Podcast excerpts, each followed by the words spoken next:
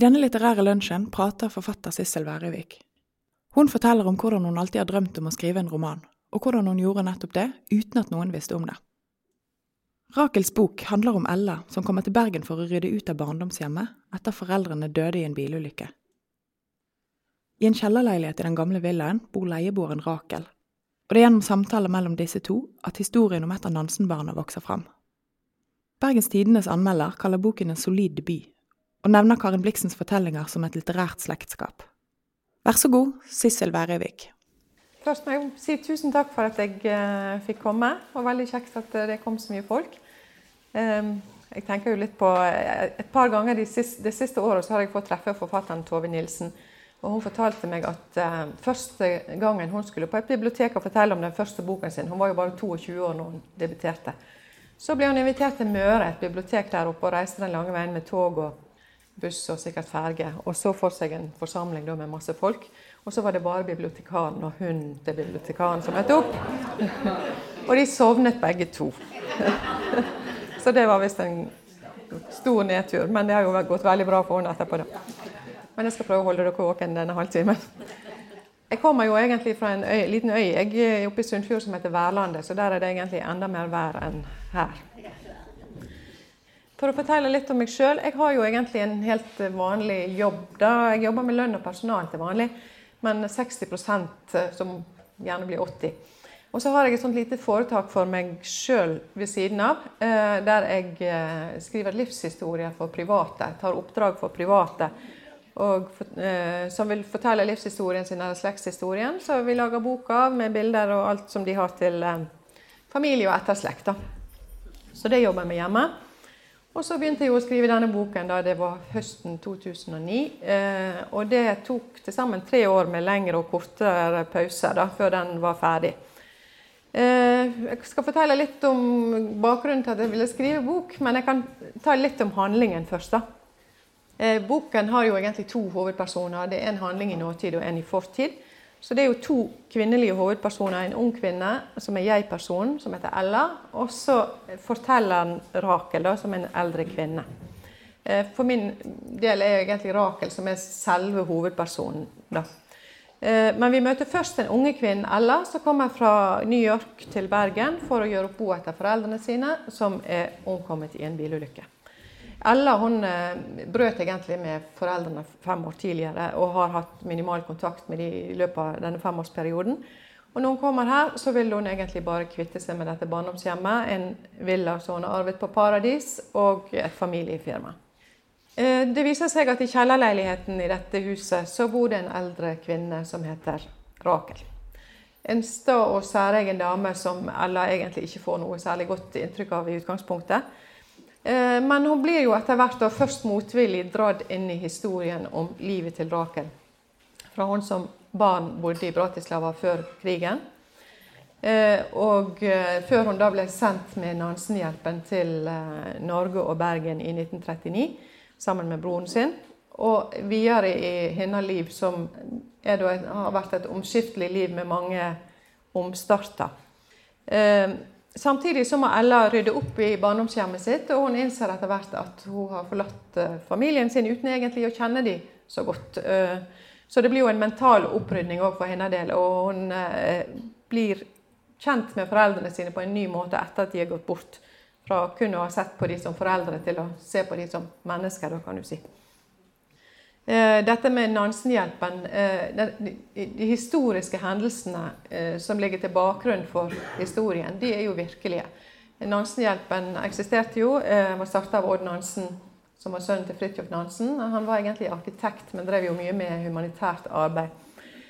Og han fikk, klarte da å skaffe visum til en gruppe med barn på slutten av 30-tallet fra Bratislava og Praha for at de skulle få komme til Norge til pleieforeldre for å komme unna jødeforfølgelsen i Europa.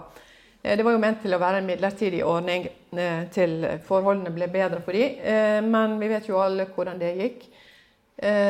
Det var tre eller fire av disse barna i virkeligheten, de var vel syv eller 39 stykker, som ble kalt tilbake til familiene sine. Og de omkom jo. Men alle disse som ble igjen i Bergen, de klarte seg, eh, men ble flytta under dramatiske omstendigheter til Sverige høsten 42.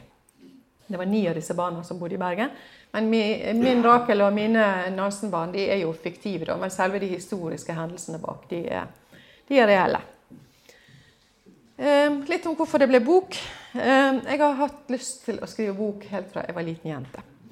Eh, og eh, når jeg lærte å lese og skrive, så eh, likte jeg å holde på med det. Og når jeg var barn, så satt jeg og skrev små historier på rommet mitt, og de kalte jeg for romaner. De var jo ikke særlig lange, og det var kun min mor som leste de. Men mødre de er jo et takknemlig publikum, så hun sa sikkert at jeg var veldig flink. fordi jeg fikk i hvert fall troen på at dette var noe som jeg kunne gjøre. Så jeg hadde jo denne drømmen hele livet egentlig i bakhodet. Men så tar jo livet med på sine egne veier. Jeg fikk jo jobb etter hvert, jeg fikk familie, jeg fikk tre barn. Og da har de fleste av oss litt å henge fingrene i eh, noen tiår framover. Så det ble jo liksom lagt litt på is. Men det var når jeg fylte 50 år, da tenkte jeg at eh, hvis dette skal bli noe mer enn en drøm, så må jeg faktisk prøve å gjøre noe med det. Så det var rett etter at jeg fylte 50 at jeg satte meg ned og begynte å skrive. Og jeg tenkte jo òg på Jeg vil ikke bare virkeliggjøre min egen drøm, men jeg vil jo på en måte vise disse tre døtrene mine at det går jo an å gjøre noe med det du drømmer om. At det faktisk går an selv om årene går og du begynner å bli godt voksen. Så det, de har jo på en måte vært min inspirasjon og min eh, drivkraft. da. Jeg har tre døtre på 16, 19 og 26 år. Eh, den eldste har jo allerede oppfylt en del drømmer. Hun sa da hun var ganske ung at hun skulle, når hun ble stor, så skulle hun bo i New York og hun skulle jobbe i FN, og det gjør hun begge deler.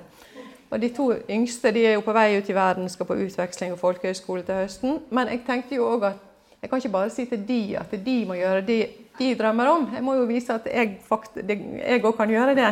sant?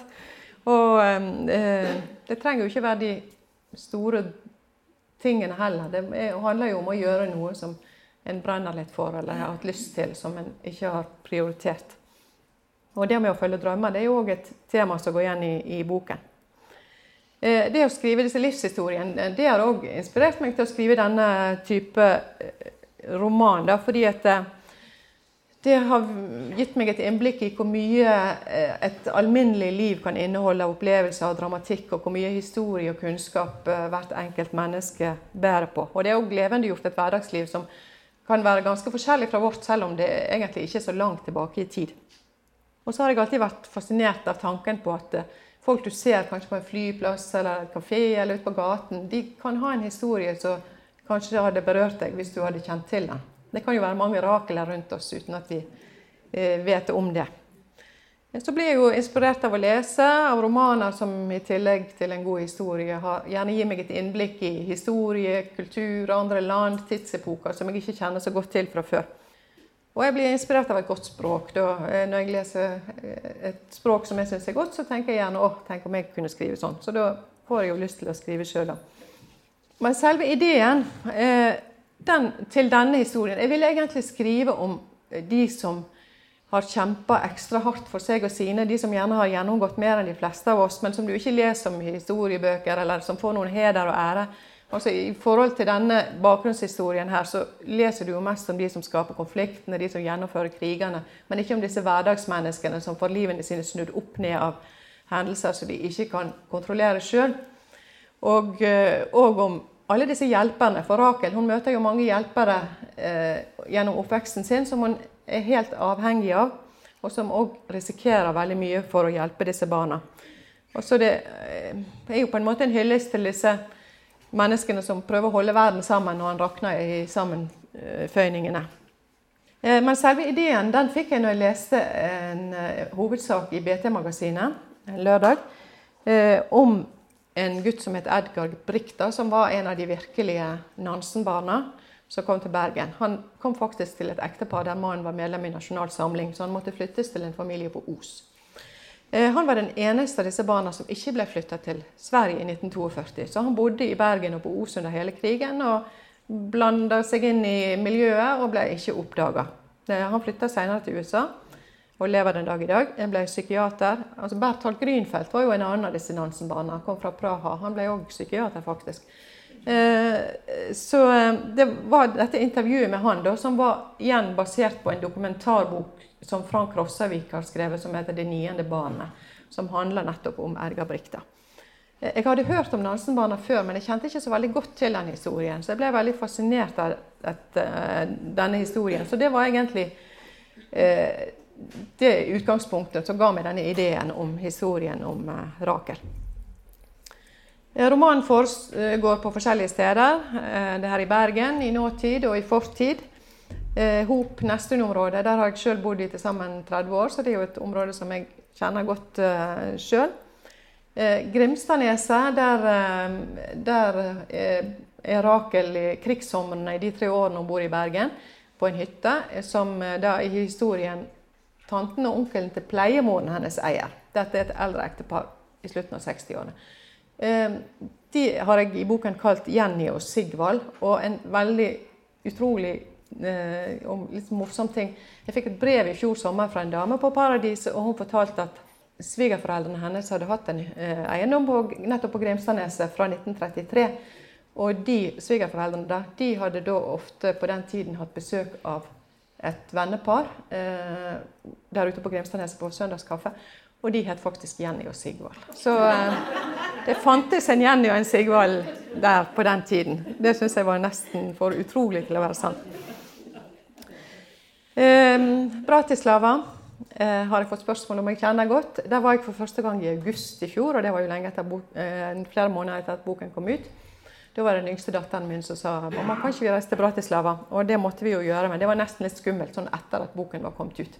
Fordi at jeg brukte jo nettet, jeg brukte bøker, jeg brukte kart. Eh, jeg fant en internettside der eldre jøder som hadde overlevd krigen fra Bratislava, fortalte om livet sitt, oppveksten sin, eh, i Bratislava i 30-årene og under krigen. Og Der fikk jeg masse kunnskap om byen, om eh, tidsepoken og ikke minst om hvordan livet var for jødene på slutten av 30-tallet. Uh, eh, men det var jo uh, spennende å gå i Rakels fotspor etterpå, når boken var ferdig.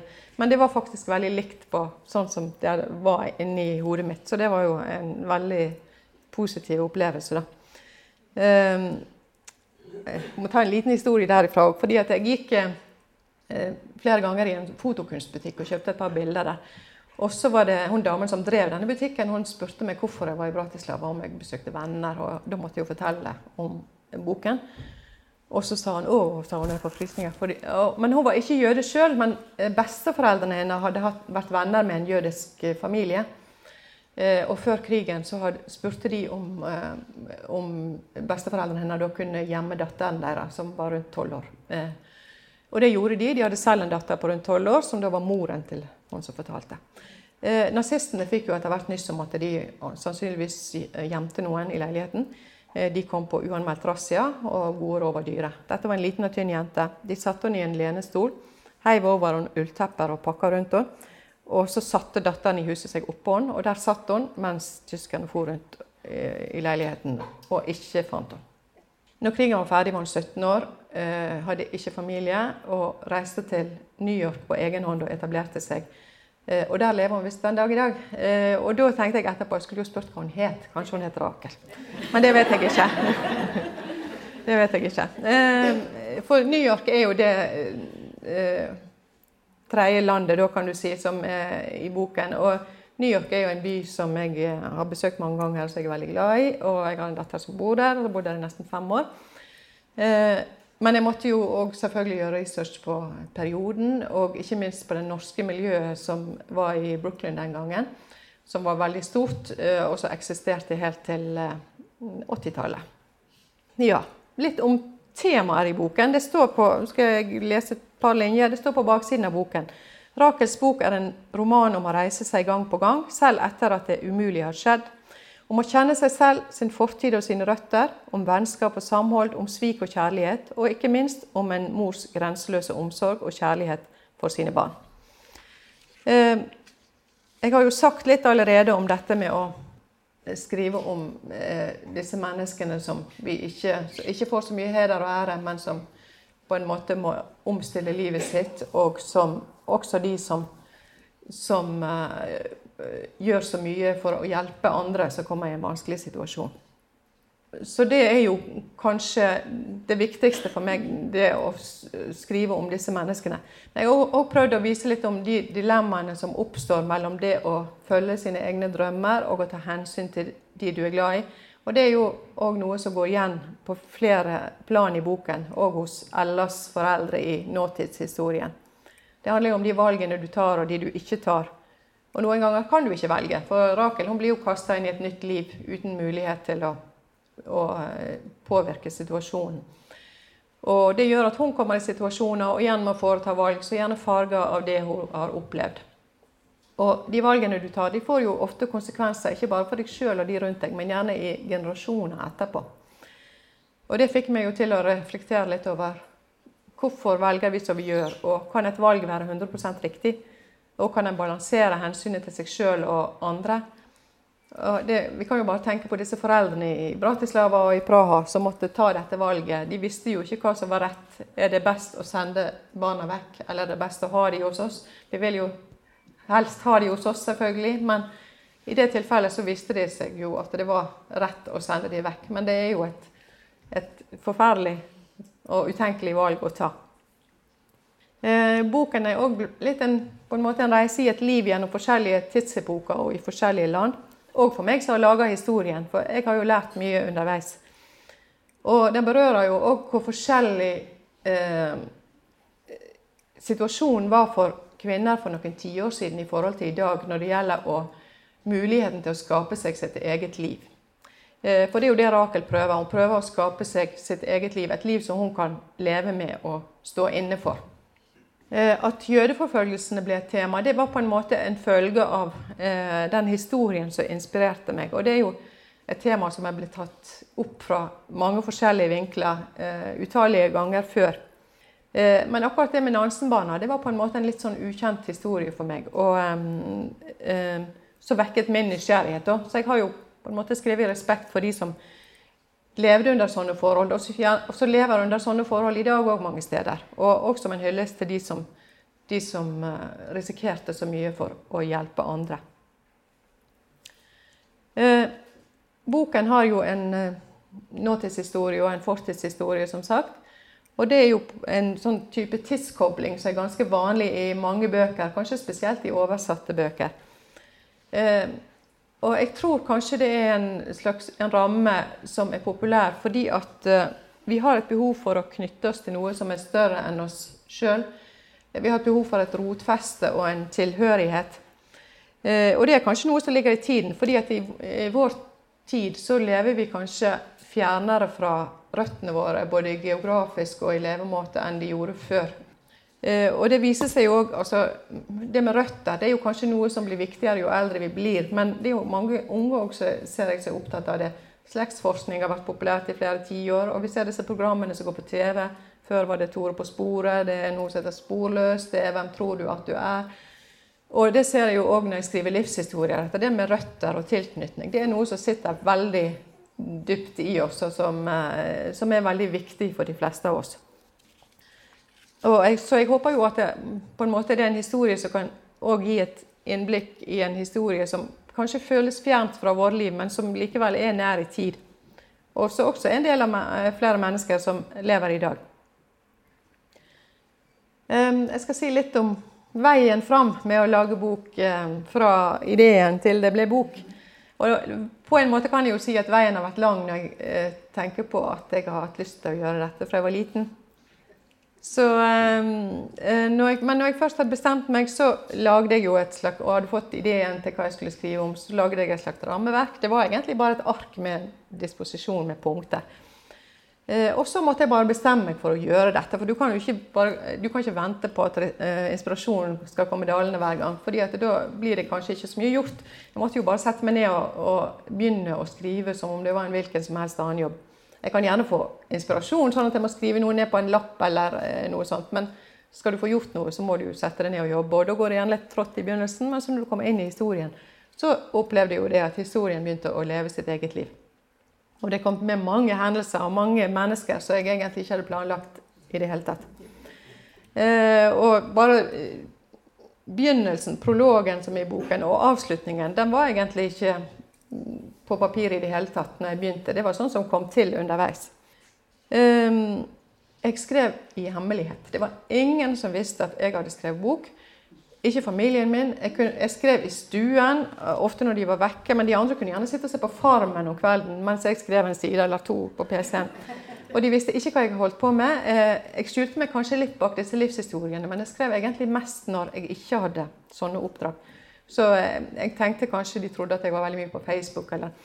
Eh, men jeg spurte jo de to yngste døtrene mine etterpå syns de at jeg har sittet veldig mye med PC-en hjemme. Og da sa hun på 16 at Nei, jeg har ikke lagt merke til at du har skrevet en bok. Sånn. Så det går jo an. Og for meg var jo det egentlig en eh, fantastisk måte å gjøre det på. For, og det er vel bare første gangen du kan gjøre det. Fordi at jeg kunne gå inn i min egen verden og min egen historie, og det var ingen som spurte meg, ingen som hadde forventninger til at jeg skulle eh, prestere eller produsere noe i det hele tatt. Så jeg hadde det egentlig veldig fint. Og så når jeg ser på det i etterkant, så er det jo et veldig stort arbeid å skrive en bok, men jeg syns det var veldig kjekt. så derfor så jeg, jeg klarer ikke å se på det som at det var et stort arbeid. Jeg eh, koste meg veldig med det. Men jeg visste jo egentlig ikke om det ble en bok, eh, om noen ville ha den. Eh, det visste jeg ikke. Men jeg må jo ha hatt en slags tro på det likevel, at dette skal faktisk bli til noe.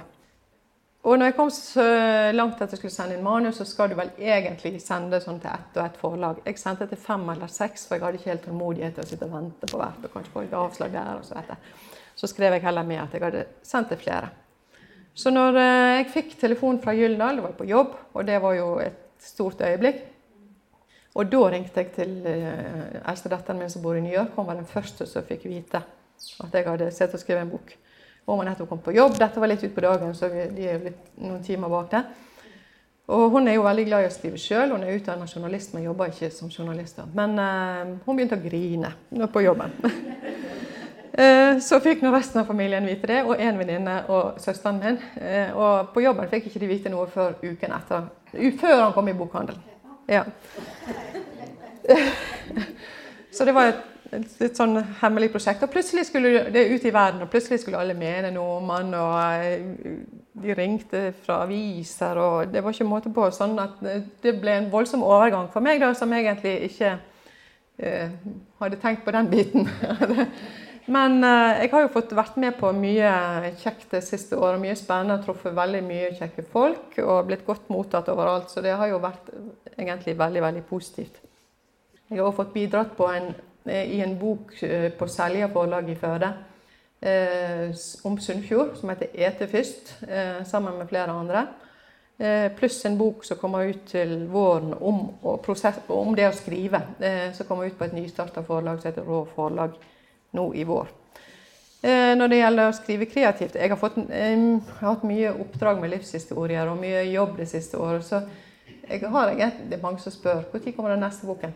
Eh, men eh, da sier jeg at nei, det det har jeg egentlig ikke fått så veldig, Jeg har jo ideer, men jeg har ikke fått så mye tid til det. Men så har jeg en veldig snill redaktør i Gyldendal, og hun sier jeg venter på deg, jeg, selv om det tar lang tid. Så, så det er jo veldig kjekt å høre, da. Jeg eh, skal lese en liten snutt. Rakel, hun, som barn, så var jo eh, hun en jente som tok folk til seg, og det var jo òg veldig nødvendig. fordi hun var jo avhengig av disse menneskene som kom inn i livet hennes når hun måtte reise fra familien. Men hun mister jo mange underveis. så Som voksen så blir hun litt mer sånn at hun eh, tør ikke slippe folk for tett innpå seg. Bortsett fra barna sine, da, som hun holder eh, veldig tett. Men ellers så holder hun gjerne folk litt på avstand.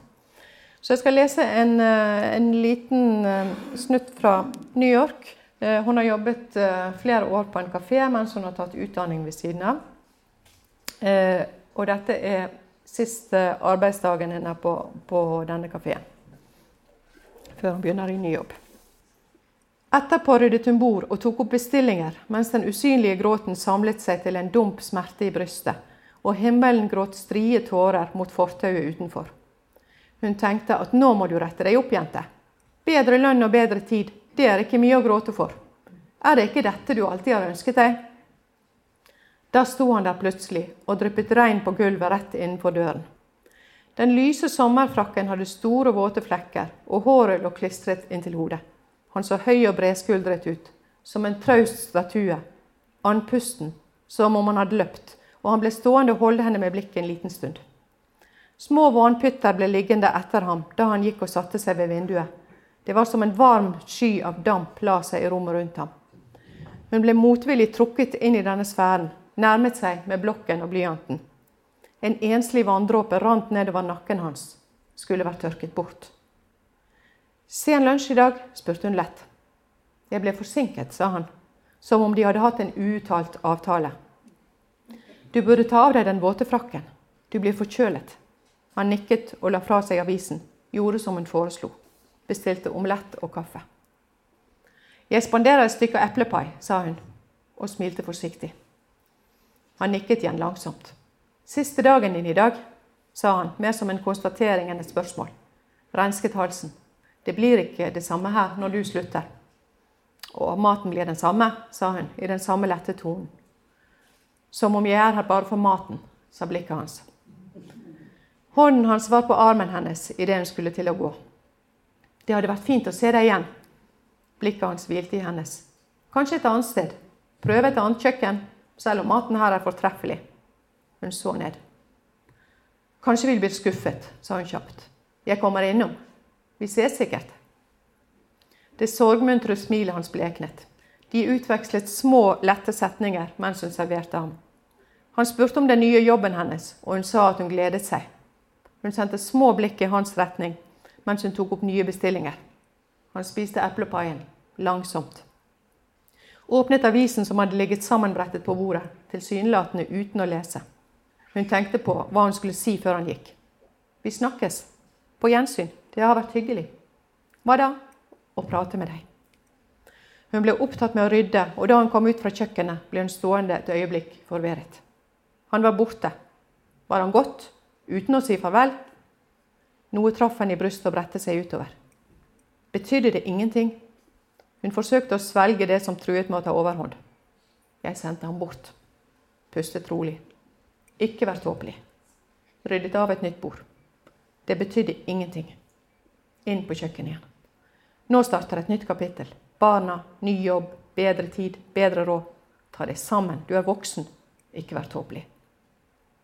Hun rettet ryggen og tok med seg det tomme brettet bort til bordet hans. Ennå var det fuktige flekker på bordplaten, som minner om noe som hadde vært. Avisen lå igjen. Hun så blå kulepennskrift på servietten som stakk halvveis ut under den. Hun tok forsiktig bort avisen, trakk servietten nærmere med to fingre og ble stående bøyd over bordet mens hun leste den sirlige, skråstilte håndskriften. How many loved your moments of glad grace and loved your beauty with love false or true? But one man loved the pilgrim soul in you and loved the sorrows of your changing face.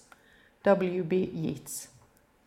Hun brettet servietten omhyggelig og lot den falle ned i lommen på forkleet, bortvendt fra alle som måtte se på henne, mens linjene brente seg fast bak de lukkede øynene.